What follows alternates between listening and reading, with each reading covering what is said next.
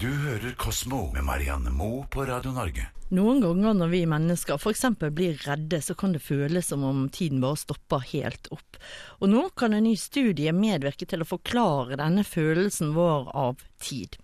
Bjørnar Kjensli fra forskning.no, det er forskere ved University of Minnesota som nå har sett nærmere på hvordan vi i spesielle situasjoner føler at tiden sakker, eller rett og slett nesten stopper opp. Hva er det de egentlig har funnet? Altså Det de har funnet, er at uh, sannsynligvis så påvirker adrenalinet hvordan hjernen vår registrerer tid. Uh, og at når vi får fryktelig mye adrenalin i, uh, i kroppen, og også i hjernen, som når vi gjør noe farlig, når vi f.eks. Uh, utsettes for en ulykke eller vi hopper i fallskjerm, så ser tiden ut til å gå saktere. Og alle som har vært med på noe sånn kjempedramatisk, sånn som f.eks. å nesten krasje med bil eller, eller hoppe strikk eller fallskjerm eller noe sånt, vet jo at dette her det her skjer jo. Mm. Uh, så dette er egentlig bare et forsøk på å forklare hvorfor det skjer. Og de, og de mener da at adrenalinet har en direkte innvirkning på aktiviteten i hjernen uh, som, som eh, følger tiden for oss. da. Ja, for Basehoppere de forteller jo ofte at et hopp som i realiteten bare varer i noen sekunder, det føles som om det varer i flere minutter. Mm.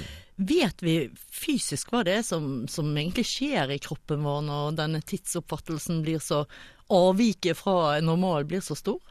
Ja, altså det som er, uh, Dette her er litt komplisert. Det går på eh, om aktivitet i hjernen uh, øker og minsker fort eller sakte. og når aktiviteten da øker, altså minsker fort, så føles det ut som tiden går fort. Og når den minsker sakte, så føles det ut som tiden går sakte. Adrenalinet spiller da inn på dette, eh, og det er eh, så mye som jeg har fått med meg, egentlig. Men, eh, men, det er i hvert fall det hormonet adrenalin som vi da skiller ut når, vi, når noe er farlig eller veldig ekstremt, det ser ut til å påvirke dette her. Dette har de gjort eh, gjennom et ganske spesielt eksperiment med, med aper, da, hvor de har registrert hjerneaktivitet og, og, sett om aktiviteten går opp eller ned fort. og og lært apene da å, å flytte øynene eh, i en bestemt hastighet osv. Ganske komplisert eksperiment, men det de har fått ut av det, er at adrenalin påvirker hvordan vi eh, opplever tid. Mm. Og dette har vel også mye å si på forskningen i forhold til det å forstå hvordan hjernen eh, beregner tiden når vi planlegger bevegelser, f.eks. Ja, f.eks. Og, og det viser seg at hjernen eh, beregner tid egentlig på ganske mange forskjellige måter. Den beregner ikke bare eh, tid sånn som vi opplever tidsfølelse, men det er også steder i hjernen som, som eh, beregner tid helt uavhengig av hva det er som skjer rundt oss. Eh, cellene i kroppen f.eks., altså hver enkelt celle har jo også et slags Eh, begrep om tid. Altså De vet når de skal gjøre ting, og hvor raskt de skal gjøre ting. og Dette skjønner vi egentlig veldig lite av, eh, men, eh, så dette er et skritt i riktig retning. Hvor mange sånne teorier om hvordan tid er representert i hjernen, finnes det egentlig? Det er tre eh, hovedteorier for hvordan denne tiden er representert i hjernen. Det er en teori som er at det er en eh, spesialisert klokke i hjernen som holder orden på, på tiden for resten av hjernen. Eh, eller så er det en annen teori som er at det er én klokke der hele hjernen er med å representere tid.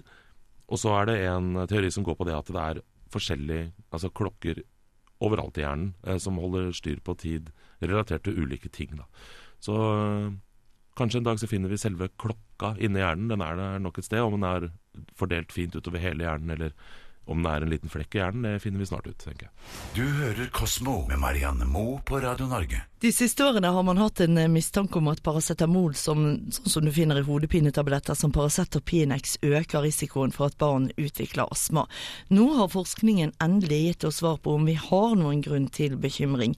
Og Hanne Jacobsen fra forskning.no, det er forskere fra det som heter Dansk børneastmasenter som står bak denne studien. Hva er det de egentlig har funnet?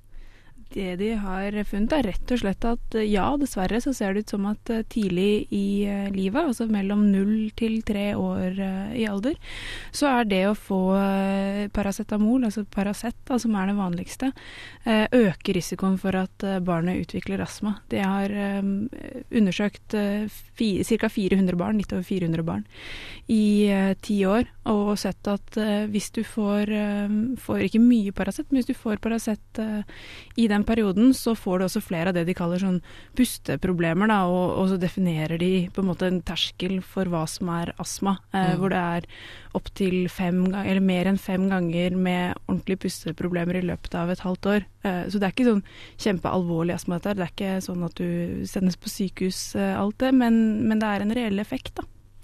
Infeksjoner i luftveiene det kan jo også være en årsak til at barn får paracetamol. Har de justert for uh, denne faktoren, for å si det sånn? Ja, takk og lov. Altså, sånn, får, det er jo begge veier her. Hvis du har en infeksjon, så får du Paracet, men hvis du får Paracet, så har du en infeksjon. Men det har de kontrollert for. De har gått inn og sett på andre typer eh, infeksjoner. altså barn får lungebetennelse, eh, og tatt bort effekten av den Paraceten de fikk for det, for det vil jo da for, forstyrre resultatet. Men eh, effekten holder seg dessverre fortsatt, altså. Har de bare sett på barn som har fått paracetamol, eller har de også studert mor sin bruk av paracetamol under svangerskapet f.eks.? Kan det også virke inn? De har sett på det, og også sett på barn senere i livet. Og heldigvis viser det seg at uh, mors bruk av Paracet i siste del av svangerskapet ikke har noen uh, store effekter. Sånn at du trenger ikke å være bekymret hvis du blir syk uh, mot slutten. og heller så ser de ikke noen stor effekt når barna blir sånn rundt syv årsalderen. Så det, akkurat hvorfor er de ikke helt sikre på, men det kan i hvert fall tyde på at det er på en måte i gåsehudene tryggere da, mm. når barna blir litt eldre. Ja, for har de noen anbefalinger? Altså Hvis barnet får ørebetennelse, så må de jo få smertestillende. Hva gjør man da som foreldre? Ja, det sier de også rett ut. Vi kan ikke gå ut og endre helserådene vi gir eh, på bakgrunn av én eh, studie. De sier som alle forskere vi trenger mer forskning, og så sier de selvfølgelig gi barna dine Paracet hvis de har det vondt. Mm. Men vær litt obs på at dette er doser som er tilpassa voksne mennesker.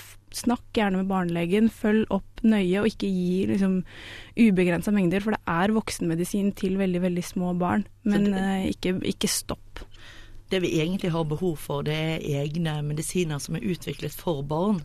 Akkurat, og det er jo Det står jo også i pakningsvedlegget hva som er anbefalte doser for små og store barn. og Der eh, stopper de jo på en viss alder, og, og, hvis du skal gi til yngre enn det, så er det jo sikkert helt vanlig å snakke med barnelegen sin om hva som er den beste fremgangsmåten, i hvert fall for barn på, i spedbarnsalderen.